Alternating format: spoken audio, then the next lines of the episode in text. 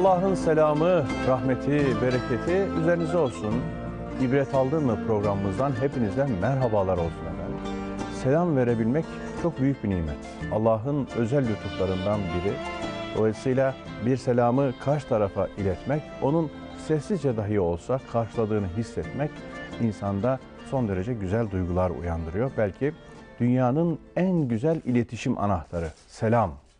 Dolayısıyla e, bu duygularımızı, bu düşüncelerimizi sizlerle paylaşarak efendim bugünkü programımıza başlangıç yapmış bulunuyoruz. Kıymetli dostlar en son e, Hz. Nuh Aleyhisselam'ın kıssasını uzun bir koşudan sonra maraton gibi adeta ardı ardına programlardan sonra bir noktaya getirmiş ve orada da kendimizi nihayetlendirmiştik. Ve ardından dedik ki bugün efendim Ad kavmini konuşacağız. Hazreti Hud e, ve e, Ad kavminin genel anlamda Kur'an'da nasıl tasvir edildiği, ne şekilde referanslarla ele alındığı, bize nasıl bir Ad kavmi profili çizildiği e, buradan başlamak suretiyle tabi Hazreti Hud'un onlarla mücadelesi, söyledikleri, onların Hazreti Hud'a söyledikleri ve en sonunda da özel bir biçimde helak oluşları var ki oradan da alacağımız epeyce ibretler olduğu kanaatindeyiz. Kıymetli hocam hoş geldiniz, sefalar getirdiniz. Teşekkür ederim. Allah razı olsun. Sağ olun. Allah iyilik versin, Allah kolaylık versin hocam. Amin ecmaîn. Ee, kıymetli hocam, e, Ad kavminin herhalde genel bir profilini efendim bugün çıkaracağız.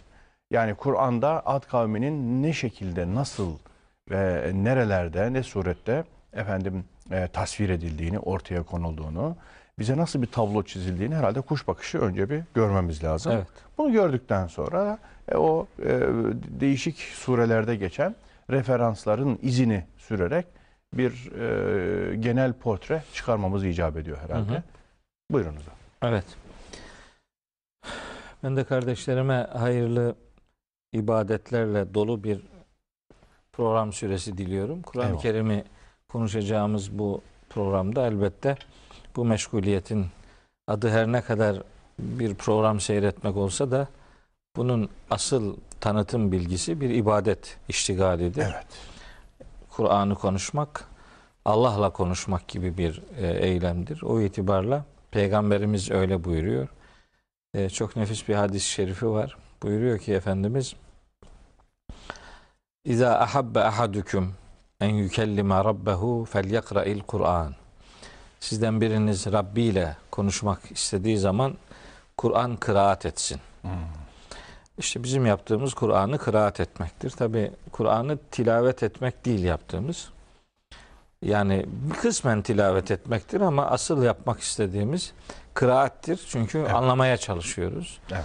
Mesajları indirildiği dönemden güne getirmeye, bugün bana bunlar ne demek istiyor sorusunu cevaplamaya gayret ediyoruz. Evet. Yani günümüz, gündemimiz, meşguliyetimiz, anımız, hevesimiz, ufkumuz, derdimiz Kur'an'ı anlamak, Kur'an'la hemhal olmak. Öyleyse bunun adı bir ibadettir. Eyvallah. Bu ibadetten tat alabilmeyi Rabbimden niyaz ediyorum. Herhangi bir program seyretmek gibi değil, bilgilenme anlamında. Ee, bir şey itiraf edebilirim Yusuf Bey. Ben Buyurun. E, 25 yıldır İlahiyat Fakültesinde görevliyim. Evet. E, 25 yılım doldu yani 26. Maşallah. yıldayım. Çeyrek yüzyıl. Evet, çeyrek asırdır. E, bu şu demek, çeyrek asırdır Samsun'da 19 Mayıs Üniversitesi İlahiyat Fakültesi'nde on binlerce öğrenciye tabi ders anlattık. Tefsir dersi verdik.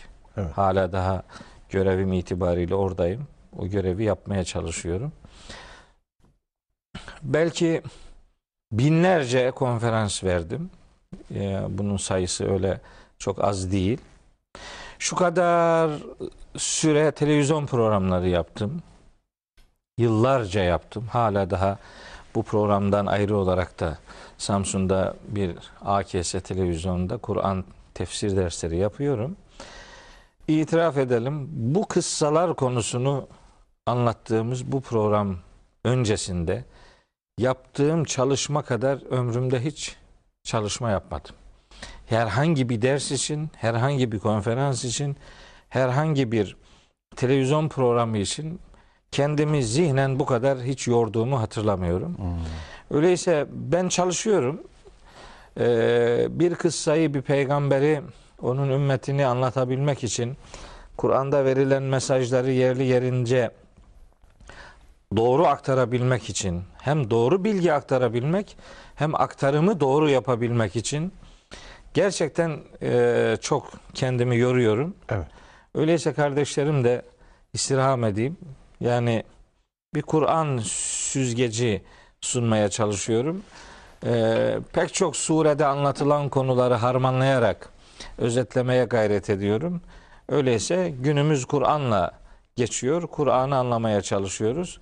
Bu itibarla Cenab-ı Hak bizi de kardeşlerimizi de mecur eylesin diye dua ediyorum. Amin. Tabi 26. program bugünkü program. İki peygamberin kıssası için 25 program yaptık. Ortalama bir saatten düşünürseniz 25 saat iki peygamber üzerinden sunumlar yaptık. Evet. O arada yüzlerce ayet okuduk. Ee, bir Kur'an kültürü kendi zihnimize nakşetmeye ve kardeşlerimize de bunu aktarmaya gayret ettik. İddiamız bütün peygamberlerin kıssasını anlatmak değil. Yani ona imkanımız yok, ona vaktimiz de yok. Ama Kur'an'da böyle üzerinde çok ısrarla durulan e, kıssaları çok değişik surelerde, değişik ebatlarda, boyutlarda aktarılan bazı peygamberler var. Hiç olmazsa bunları ana hatlarıyla kardeşlerimize aktaralım istedik. Bu bağlamda üçüncü peygamber olarak Hazreti Hud'u Kur'an'daki sıralama da aşağı yukarı böyledir. Hazreti Hud'u yani Ad kavmini işleyeceğiz inşallah. Bu, bu ve bundan sonraki birkaç programda. Evet. Kur'an-ı Kerim'de bu Ad kavmi Ad adı itibariyle 24 defa geçiyor. Hı. Pek çok surede geçiyor. Semud kavmiyle beraber e, sıklıkla anılır bu kavim. Onlardan bağımsız anıldığı bir iki yerde var ama yani Ad, Semud hep beraber görülür. Biri önce, biri sonra.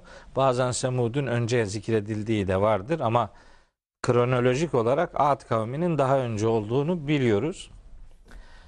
Yani bu kavim, Ad kavmi şu gün itibariyle yerini, yaşadıkları yeri, coğrafyayı tarif etme bakımından söyleyelim. Güney Arabistan'da yani Umman, Hadramevt denen o e, bugünkü Umman, Yemen. Yemen o havalide yaşamış. Orada kum tepecikleri manasına gelen Ahkaf diye bir bölgenin sakinleri idi bu e, kişiler. Hatta Ahkaf adıyla da bir sure var Kur'an-ı Kerim'in. Evet, Ahkaf suresi. 46. suresi Ahkaf suresidir. Şimdi şöyle bir bazen yanılgı oluyor. Onu bir düzeltmek istiyorum bu vesileyle. Şimdi mesela bir surenin adı diyelim ki Ahkaf. Evet. Zannediliyor ki o surede hep Ahkaf anlatılıyor. Anlatılıyor. Ad kavmi anlatılıyor. Mesela öyle zannediliyor filan. Halbuki değil. Halbuki öyle değil. Mesela o Ahkaf suresinde Ad kavmiyle ilgili, Ahkaf ahalisiyle ilgili 5 tane ayet var. 21, 22, 23, 24, 25, 26. ayet. 6 ayet var. Ama sure e, 30 küsür ayet e, içinden işte bu şeyin 25 ayet sure. 20 kaç ayet? Bu 20 ile 30 rakamları bir yak- Hmm. yazılış olarak birbirine çok benzediği için 35 ayet. Evet. 35 ayetlik bir surenin 6 ayeti Ahka- Ahkaf'tan söz ediyor. Hepsi ondan söz etmiyor. Baş, başından sonuna kadar bir şeyden söz eden sureler var. Mesela bundan önceki Nuh peygamberin kıssasını anlatırken Nuh suresi 28 ayetin 28'i de Hazreti Nuh'la alakalı. Doğru. Öyle sureler var. Ama bunu genelleştirmek doğru değil. Bakara suresinin adı Bakara'dır. Konuyla ilgili ayetlerin toplamı 8 tanedir yani. Yani 286 ayet 286 içerisinde. ayetten Böyle bir 8 tane. ya yanılgı oluyor. Mesela şimdi önümde şu Ara suresi var. Şairler anlamına geliyor. Bu sure 26. sure 227 ayettir bu sure. Bu Eş-Şuara şairlerle ilgili bölüm surenin son 5-6 ayetidir. 1, 2, 3, 4 ayet. Son 4 ayeti şairlerle alakalıdır. Kalanı bununla alakalı değil. Peygamber kıssalarından oluşuyor büyük oranda. Bazen böyle bir yanılgılar oluyor. İşte surenin adı budur demek ki. Tamam, Meryem suresi bundan 96 ibaret evet. diyor. 98 ayet Meryem suresi. İşte diyoruz ki Kur'an'da Hazreti Meryem'le alakalı bir sure var. Ya yok. Yani surenin adı Meryem'dir ama Hazreti Meryem'le alakalı kısmı bunun neticede 15-16 ayettir yani. O kadar. 98 ayetin hepsi ondan ibaret değil. Bazen böyle yanılgılar oluyor. Evet. Hani ona ufak bir gönderme yapmış olalım. Eyvallah. Ahkaf suresi de işte mesela böyle bir surelerden 6 ayeti Ahkaf'tan yani Ad kavminden söz ediyor. Bunların yaşadıkları yer işte Güney Arabistan'dır dedim. Ee, yaşadıkları tarihi bilmiyoruz bir defa. Fakat bir şeyi biliyoruz. Neyi biliyoruz? Bu kavim Kur'an-ı Kerim'deki iki ayetten hareketle bu kavmin Hazreti Nuh'un kavminden hemen sonra geldiğini anlıyoruz. Hmm. Hani benim öteden beri bir iddiam var. Diyorum ki Kur'an'daki peygamberler peygamberler tarihinin tamamı değildir. Eyvallah. Aralarında başka peygamberler mutlaka olabilir, vardır diyorum. Hazreti Adem ile Hazreti Nuh arasında pek çok peygamberin gelmiş olmasını böyle bir gereklilik var diye düşünüyorum. Ama bu kavim yani Ad kavminin Hazreti Nuh'un kavminden sonra yaşadığını ve hemen sonra yaşadığını söyleyebilirim. Bununla ilgili iki referansım var. Bunlardan biri Müminun suresinde Yüce Allah buyuruyor ki Hz. Nuh'un kıssasını anlattıktan sonra surenin 31. ayetinde Sümme enşe'na min ba'dihim sonra onlardan sonra yani Nuh'un kavminden sonra inşa ettik yani yarattık. Karnen aherine. Hmm. Başka bir nesil. Karnen bir nesil. Tabii. Bu Ad kavmini anlattığı pasaj 31. ayetten itibaren başlıyor.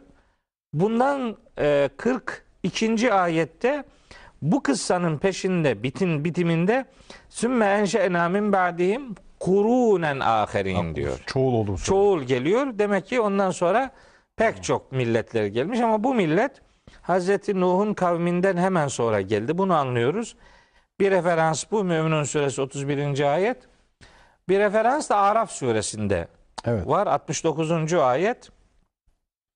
Orada Rabbimiz buyuruyor ki Vezkuru izcaleküm hulefae min ba'di kavmi Nuhin. Nuh kavminden sonra. Sonra evet sizi yeryüzünün Halifeleri. yöneticileri yaptık. Nuh kavminden sonra. Yani anlaşılıyor ki bu millet Ad kavmi Nuh kavminden sonra gelmiş.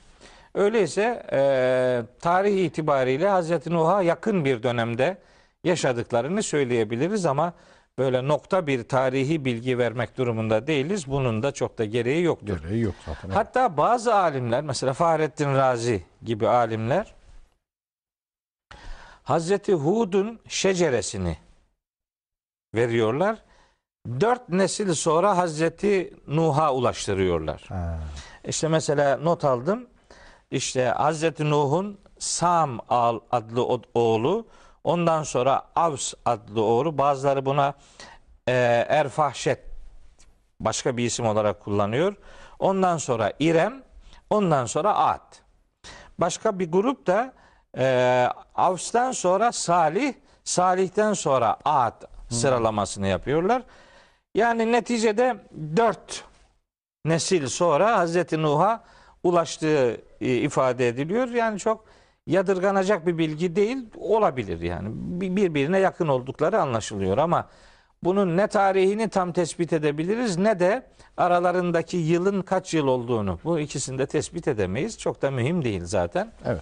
Hazreti Nuh gibi bir peygamberin risalet öğretisinin epeyce insanları etkilemiş olduğunu söyleyebiliriz. Çünkü şeriat bağlamında, hukuk sistemi bağlamında e, yani dört başı mamur bir dini öğreti bağlamında Hazreti Nuh'a Kur'an-ı Kerim gönderme yapıyor. Şeriatine ilk gönderme yaptığı peygamber Hazreti Nuh'tur. O itibarla onun etkisinin belli bir süre insanlığı e, meşgul ettiğini e, söyleyebiliriz. E, yani bunda bir yadırganacak bir kanaat yok. Yusuf Bey bir bu. Başta bunu söyleyelim. Ad kavminin peygamberi Hazreti Hud'dur. Onu siz de söylediniz. Bu kavmin hem kendilerinin yani vücut yapılarıyla alakalı bilgimiz vardır Kur'an-ı Kerim'de. Hem yaşadıkları yörenin, şehrin e, yapısı hakkında, mimarisi, ve- medeniyeti hakkında bilgilerimiz vardır. Birkaç ayetten böyle toparlayarak kardeşlerime aktarmak istiyorum. Bilmiyorum e, hangi surelerde haklarında bilgi vardır. Böyle bir 10 tane surede bu kıssanın yani bu Ad kavminin ve Hazreti Hud'un dolayısıyla bazısında az da olsa e, bazılarında biraz daha geniş sunumlar var. 10 surede. Daha fazla surede adı geçiyor ama kıssa sunumu anlamında 10 surede geçiyor. Ve söyleyeyim belki not alır kardeşlerim. Çok fazla değil. Bir Araf suresi Tamam. 65 ila 72. ayetler. 2 Hud suresi 50 ila 60. ayetler. 3 Müminun suresi 31 ila 41. ayetler. 4 Şuara suresi 123 ila 140. ayetler. 5 Fussilet suresi 15 ayet şey 15 ila 16. ayetler 2 ayet. Sonra Ahkaf suresi 21 ila 26. ayetler. Sonra Zariyat suresi 41 42. ayetler 2 ayet. Kamer suresinde 5 ayet 18 ila 22. ayetler. Hakka suresinde 3 ayet 6 7 8. ayetler ve nihayet Fecr suresinde 8 ayet 6 ila 13. ayetler arası bu milletten söz ediliyor. Ad kavminden söz ediliyor. İşte bu söz edilen Az da değil aslında. Evet 10 tane surede Bayağı böyle çok. irili ufaklı sunumlar var.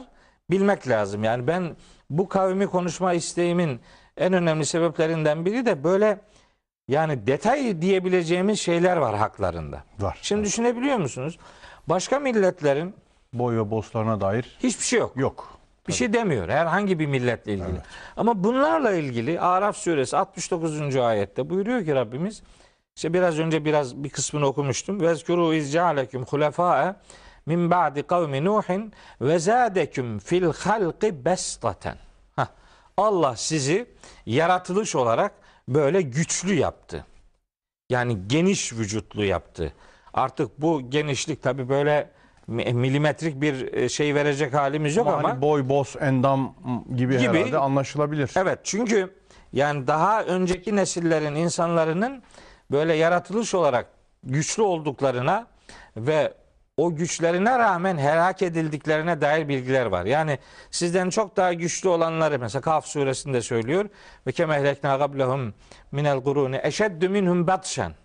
Yani onlardan yaratılış olarak da yakalanma azap türü olarak da onlardan çok daha güçlü kararlı olan adamları helak ettik biz. Yani onları helak ettik de yani size ne oluyor? ne Siz oluyor? kimsiniz yani?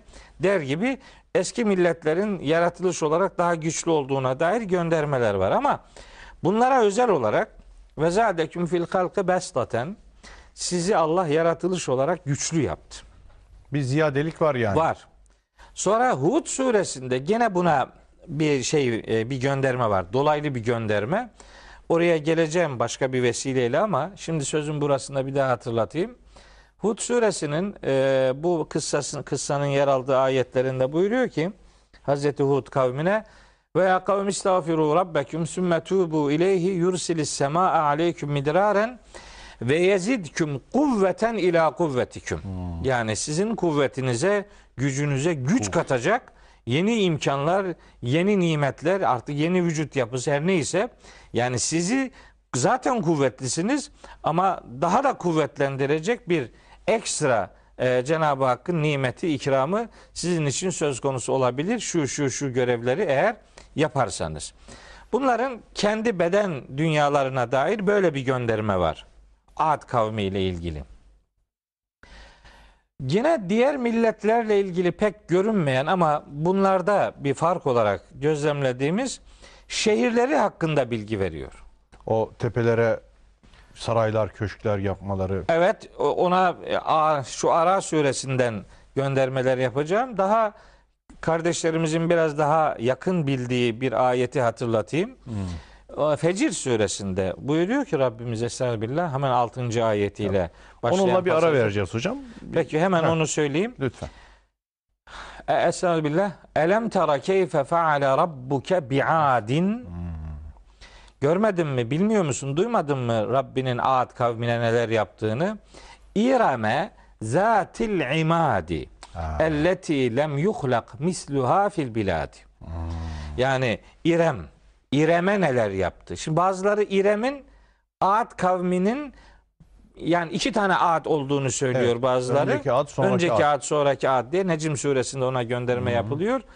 İşte önceki adın ad olduğu, sonrakinin İrem ahalisi olduğu söyleniyor. Yani İrem diye anıldıklarını söyleyenler var.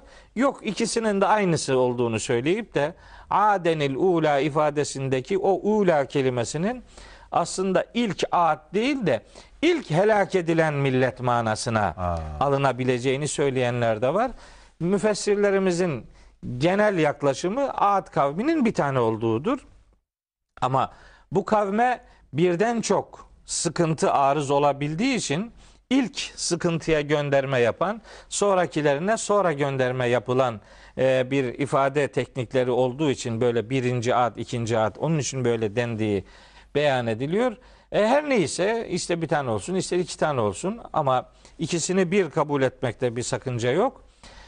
E, şeceresini verdiğim biraz önceki listede de işte ad, addan hemen öncekinin İrem olduğunu söyleyenler de var. Bir, bir ata adı olarak. Evet.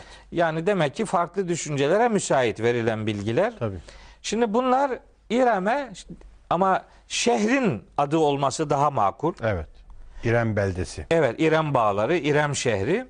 E, o şehrin yapısı hakkında bilgi verenler diyorlar ki o ayette İrem'e zatil imadi. İşte imad direk demek. Direk, sütun. direkleri olan, sütunları olan demek ki böyle büyük evler yapıyorlar. Yani sütunlardan oluşan bir kültür.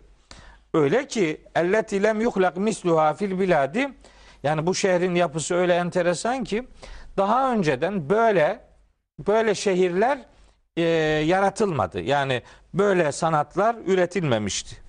Bunlara ait bir özellik. Bazı müfessirler bu İrem'i adam adı olarak, kavim adı olarak alıyorlar. Zatül imad tamlamasını da ya da işte sıfatını da İrem ahalisinin vücut yapısıyla ilişkilendiriyorlar. Direk gibi uzun Ha, oldukları. sütun gibi adamlar yani. O vezadeküm fil halkı besta ayetinde Hmm, orayla olduğu gibi bağlıyorlar. orayla bağlıyorlar. Neticede o da olabilir. Hoş neticede yani adamlardan zaten güçlü olduklarına dair bilgi var. Bu onu destekleyebilir. Fakat bunu ikinci görüş olarak ben şahsen öyle zikrediyorum.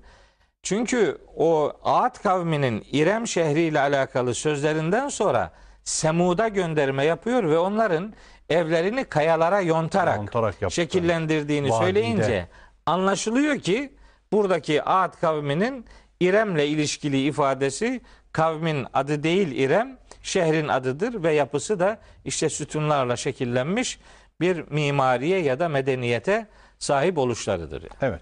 Ee, şimdi Yusuf Bey o Fecr suresindeki İrame zatil imad Evet. elleti lem yuhlak misluha fil bilad. Evet. Elleti yani öyle bir şehir ki bu lem yuhlak yaratılmadı misluha işte o şehir gibi fil bilad. Belde. Diğer şehirlerde, beldelerde benzeri yok. Bazı e, kardeşlerimiz bu şehrin özellikle yani ilahi bir emirle, ilahi bir kararla, ilahi bir müdahaleyle özellikle imtihan için yapıldığı lem yuhlak Ha. yaratılmamıştı onun gibisi deyince sanki bunun özel bir yaratılışla Allahu Teala tarafından dizayn edildiği gibi bir kanaat ortaya koyuyorlar. Buna gerek yok. Halaka kelimesi neticede insanlara da nispet edilen kelimelerden biridir. Tabii. Çünkü bu yoktan var etmek manasına gelmiyor halaka. Doğru. Yoktan var etme anlamında başka İbda- kelimeler var. İbda olurdu, başka şey olurdu. Ha beda'a olurdu, Beda'a olurdu. fatara olurdu, enşe olurdu vesaire. Ee, ama bu lem yuhlak ifadesini insanların üretemediği, benzerini üretemedikleri ilk defa onların meydana getirdikleri bir medeniyet olduğu hatırlatmasını da bu vesileyle program arası hatırıma geldi söylemiş olayım Evet. dedim. Şimdi Hazreti Hud'dan söz etmiyoruz henüz. Evet. Çünkü Geleceğiz. Ad kavminden e, o kavmi tanımaya gayret ediyoruz. Ee, yaşadıkları bölgeyi söyledik. Güney Arabistan dedik. Umman'la Hadramevt arası okyanusa böyle paralel bir çizgide yaşayan Ahkaf denen kum tepeciklerinin işte eteklerinde meydana getirilmiş bir medeniyetin sahipleri bu adamlar. Ad kavmi. Şimdi bunlarla ilgili şu Ara suresinde e, işte başka milletlere dair verilmeyen türden bilgiler veriliyor. Evet. Bunların yaptıklarıyla alakalı. Bu din adına yapılan şeyler değiller. Yani bir anlamda medeniyet adına e, ihdas ettikleri, icat ettikleri e, ya da kendilerini belki avundurdukları bir meşguliyetlerinden söz ediyor. E, Gerçekten sadece bunlarla alakalı bir bilgi olduğu için özellikle programın bu yarısında bu ayetleri hatırlatmak istiyorum. Şu Ara suresinin dediğim gibi 123. ayetinden itibaren 140. ayetine kadar bu kavim anlatılıyor. Ad kavmi.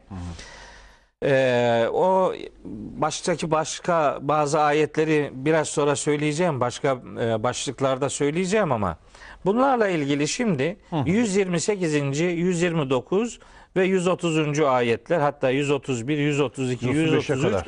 134, 135'e kadar söylemek durumundayız. Evet. Şöyle anlatıyor Allahu Teala bu adamları. Diyor ki Hazreti Hud önceki tebliğ esaslarını onlara sunuyor. Onların ne olduğunu bir sonraki programda aktaracağım kardeşlerime. Evet. Milleti tanıtma anlamında söylüyorum.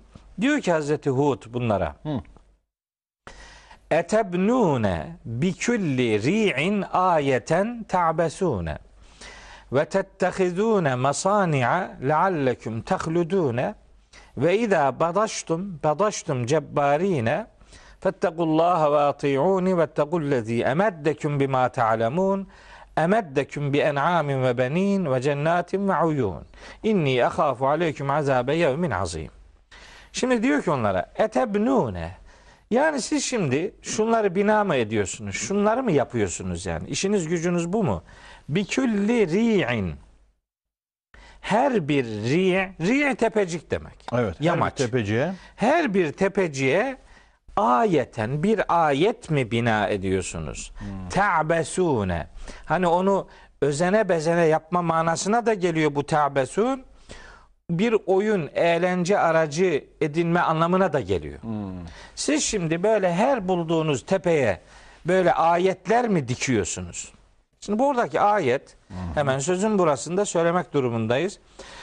Kur'an-ı Kerim'in e, kelimelerinin, kavramlarının, özellikle kavramlarının önemli bir bölümü çok anlamlılık esasına sahiptir. Aynen Biz buna Kur'an'ın vücuh yönü deriz. evet.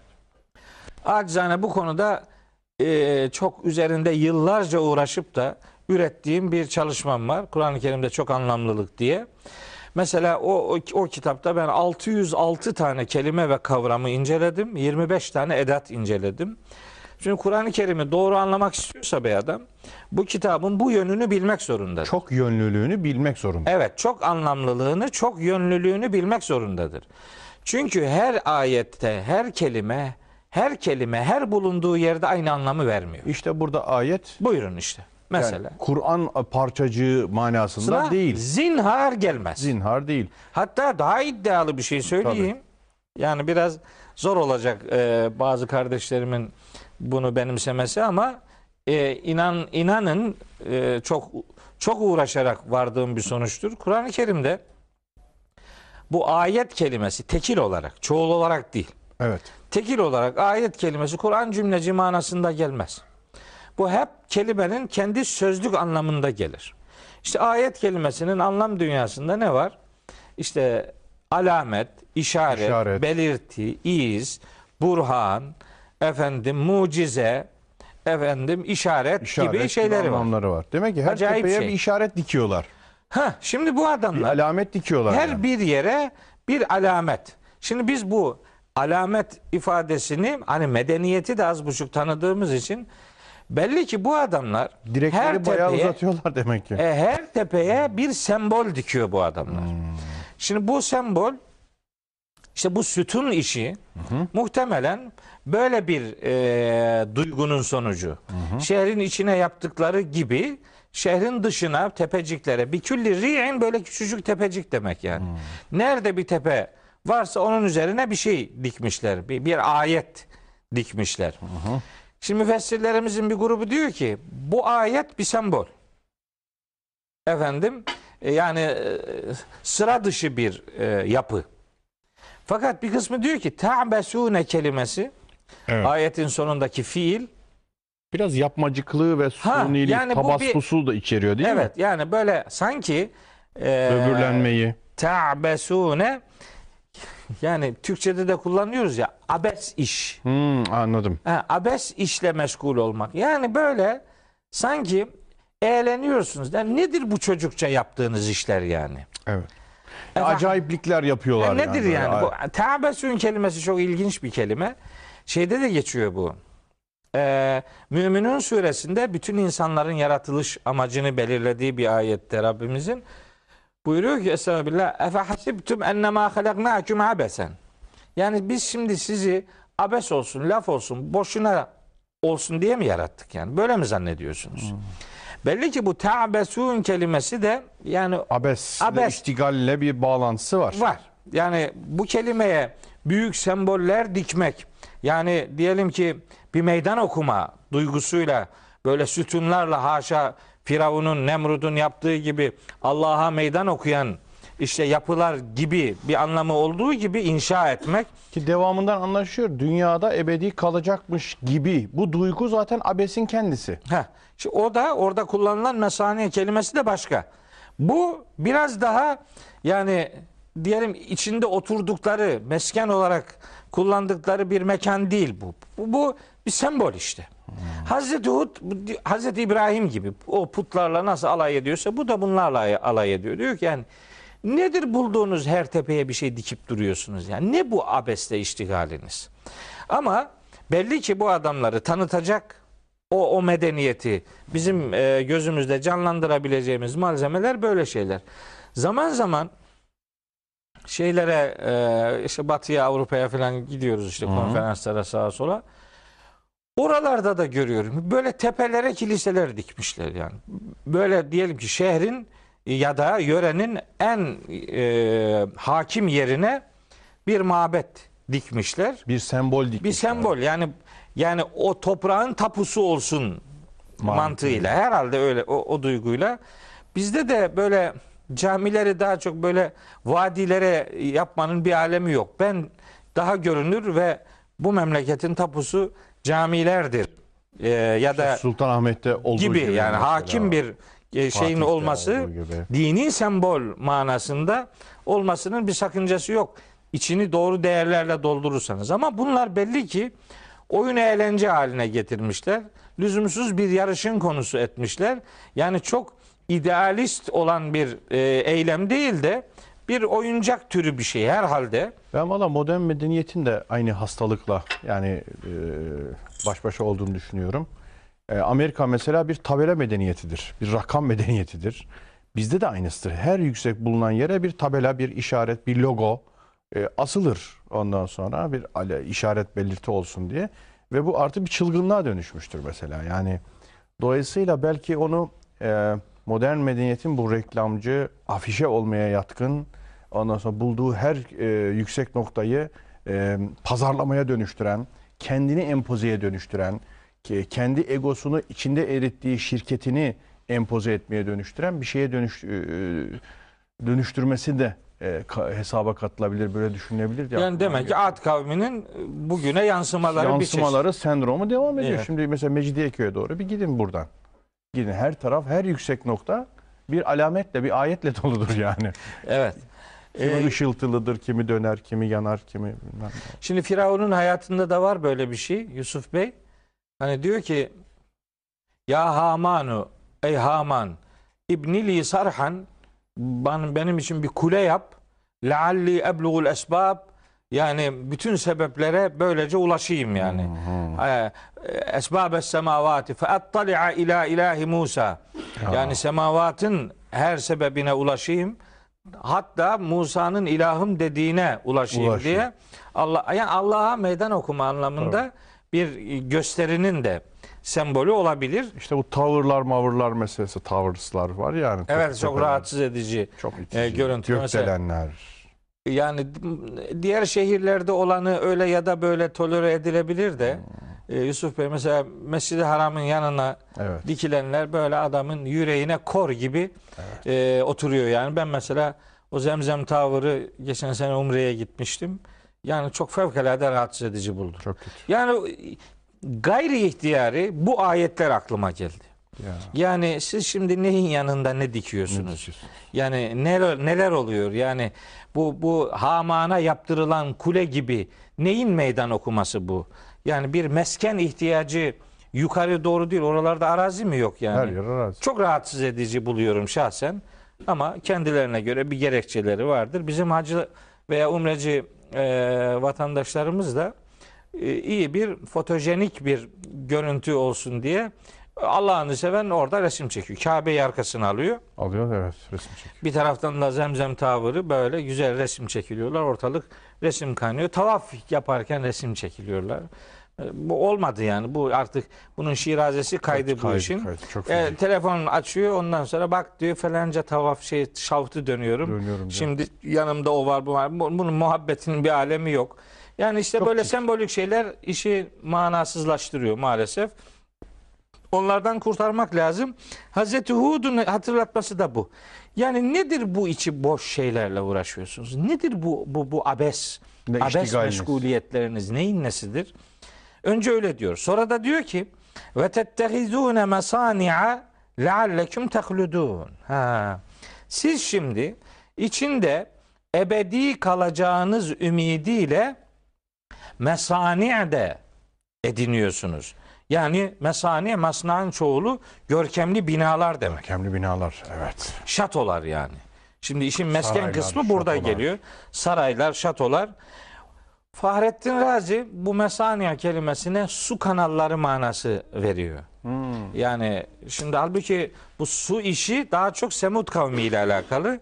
Kayalardan arklar oluşturarak, havuzlar oluşturarak Semud zaten su sıkıntısı çeken millet anlamına geliyor. Dolayısıyla o onlarla ilişkili olması lazım bu işin. Semud kavmiyle. Bunlarla değil. Yani gerçi bunlar da neticede çöl ortamında yaşıyor. Bunların da suyla ilgili bir sorunu belki olabilir ama çok net bir gönderme yok. Ya da Roma'nın yapılarını falan görürse biliyorsunuz en yüksek yapılar Roma'da su kanallarıdır. Suları taşıdıkları o e, bizim Aksaray'da olduğu gibi Fatih Aksaray arasında e, üstten geçtiğinde hep sütunlarla yapılmıştır. Su- kanallarını öyle taşıyorlar. Belki Belki öyle bir öyle bir şeydir artık bilmiyoruz olabilir. ama bu ve tettehidune masani'a leallekum tahludun sizi ebedi yaşatacak yaşatacaklar ümidiyle böyle görkemli binalar, şatolar yapıyorsunuz. Şimdi bu neyi getiriyor? Yani geçen programlarda Hazreti Nuh'un oğluyla konuşmasında dağa sığınırım sözünü sahte değerlere sığınmak adamı aldatır, felakete götürür demiştik. Benzer bir versiyonu bu. Yani görkemli binalar, şatolar yapmak sizin ebedi yaşamanızı sağlamayacaktır. Yani tersinden mesaj veriyor Hazreti Hud. E, ebedi yaşatılacaksınız düşüncesiyle böyle masnalar yapmayın. Bu ebedi yaşama duygusu Hazreti Adem'in kıssasını anlatırken zikretmiştik. Bir iblis ihvasıdır. evet. Hel edulluke ala şeceretil huldi yani ebedilik ağacı. Ebedilik ağacı. Ve mülkin la yebla hiç sona ermeyecek bir Mülk. saltanat. Ha, Size vaat ediyorum demişti. İşte bu Aynı bir- mantık. Aynı mantık öyle oradan geliyor. Buraya Hazreti Hud Hazreti Adem'in öğretisinden de kendisine nakledilen bilgiyle kavmine diyor. Yani nedir bu yaptığınız şeyler? Bu bu ebedi hayat sevgisi insanı yani ne yapar? İnsanı şımarık hale getirir. Ben bu insanlardaki bundan belki toparlayıp bitireceğiz hocam. İnsanlardaki bitip tükenmez mekan aşkını bir türlü o yüzden algılayamıyorum. Yani insanın normal efendim e, bir mekanı olduğunda başını sokabileceği, idare edebileceği, çok böyle berbat halde olmayan, nezih, temiz, en güzel zaten süs temizliktir yani. E, bu standartları koruduğunda onun haricinde efendim villalar, katlar, yatlar, büyük malikaneler işte bu bizim dinlarında da muhafazakarında da artık bir salgın hastalığa dönüştü. Evet doğru. Biliyorsunuz yani bir ev yapma, evi böyle e, müthiş derecede dizayn etme hastalığı. Ondan sonra mekana hükmetme. Onunki biraz yüksekte, benimki daha yüksekte olacak. Ben en tepeye yapacağım. Ondan sonra ben daha iyisini yapacağım filan diye. Yani bunu anlayamıyorum. Ee, Tabii evet. Suni bir ebedileşme çabasının hakikaten zavallı tezahürleri gibi Aynen öyle. e, gösteriyor kendisini. Çok doğru Yusuf Bey. İşte iblisin Adem oğluna, Adem'e vaat ettiğini Adem oğluna da vaat ediyor neticede. O vesvese e, şeyi akışı devam ediyor iblisin. Yani bizim milletimiz tabi yani Müslümanlar Kur'an'ın ne demek istediğini pek anlamak istemedikleri için yani metniyle idare etmek hoşlarına gidiyor. Buraları okumuyor. Buraları okusa bunu anlamak istese bakacak ya benim yaptığım da buna Ben bunu benziyor. yapıyorum tabii. Aynısı oluyor. Hümeze suresini okumuyor adam. Veylün likülli hümezetin lümeze. Ellezî cema'a mâlen ve addede. Yahsebu enne mâlehu ahlede. Ay- Aynı, aynı duygu. Aynı duygu. Malının onu ebedi yaşatacağını zannediyor. İşte bu bir felakettir diyor Hazreti Hud kavmine.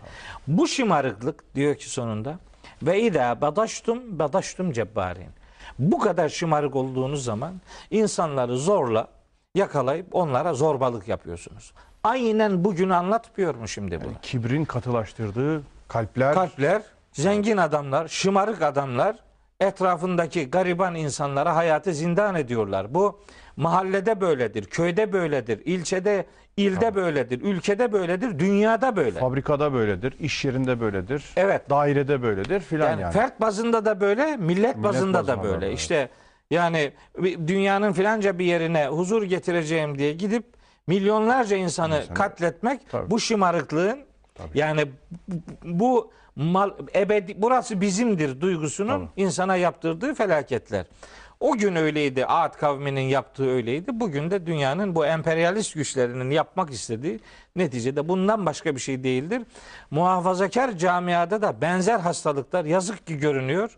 İşte istiyoruz ki bu kıssaların bu detay dediğimiz bilgileri insanımızı yakından meşgul etsin ve onları helake götüren sebepler bizim hayatımızda da yer almasın diye ufak hatırlatmalar yapmaya gayret ediyoruz. Kaldığımız yerden diğer programımıza yoğun devam edeceğiz. Siz her tepeye bir ayet, bir alamet dikerek eğlenir misiniz? Böyle abeslenme iştigal edersiniz. Dünyada ebedi kalacakmışsınız gibi böyle efendim görkemli saraylar, kuleler, neyse işte evler, barklar şunlar mı yaparsınız? Tutup yakaladığınız vakit zorbalar gibi mi yakalarsınız? Artık Allah'tan korkun ve bana itaat edin. Size bildiğiniz şeylerle yardım eden, size davarlar, oğullar, bağlar, ırmaklar ihsan eden Allah'tan sakının. Evet. Ben cidden üstünüze gelecek büyük bir günün azabından çekiniyorum diyor. Ben devamında hatırlatıyorum ki bir sonraki programımıza da bir çentik atmış oluyorum, bir bağlantı kurmuş oluyorum. Hocam çok teşekkür ediyorum. Ben teşekkür ederim. Sağ olunuz.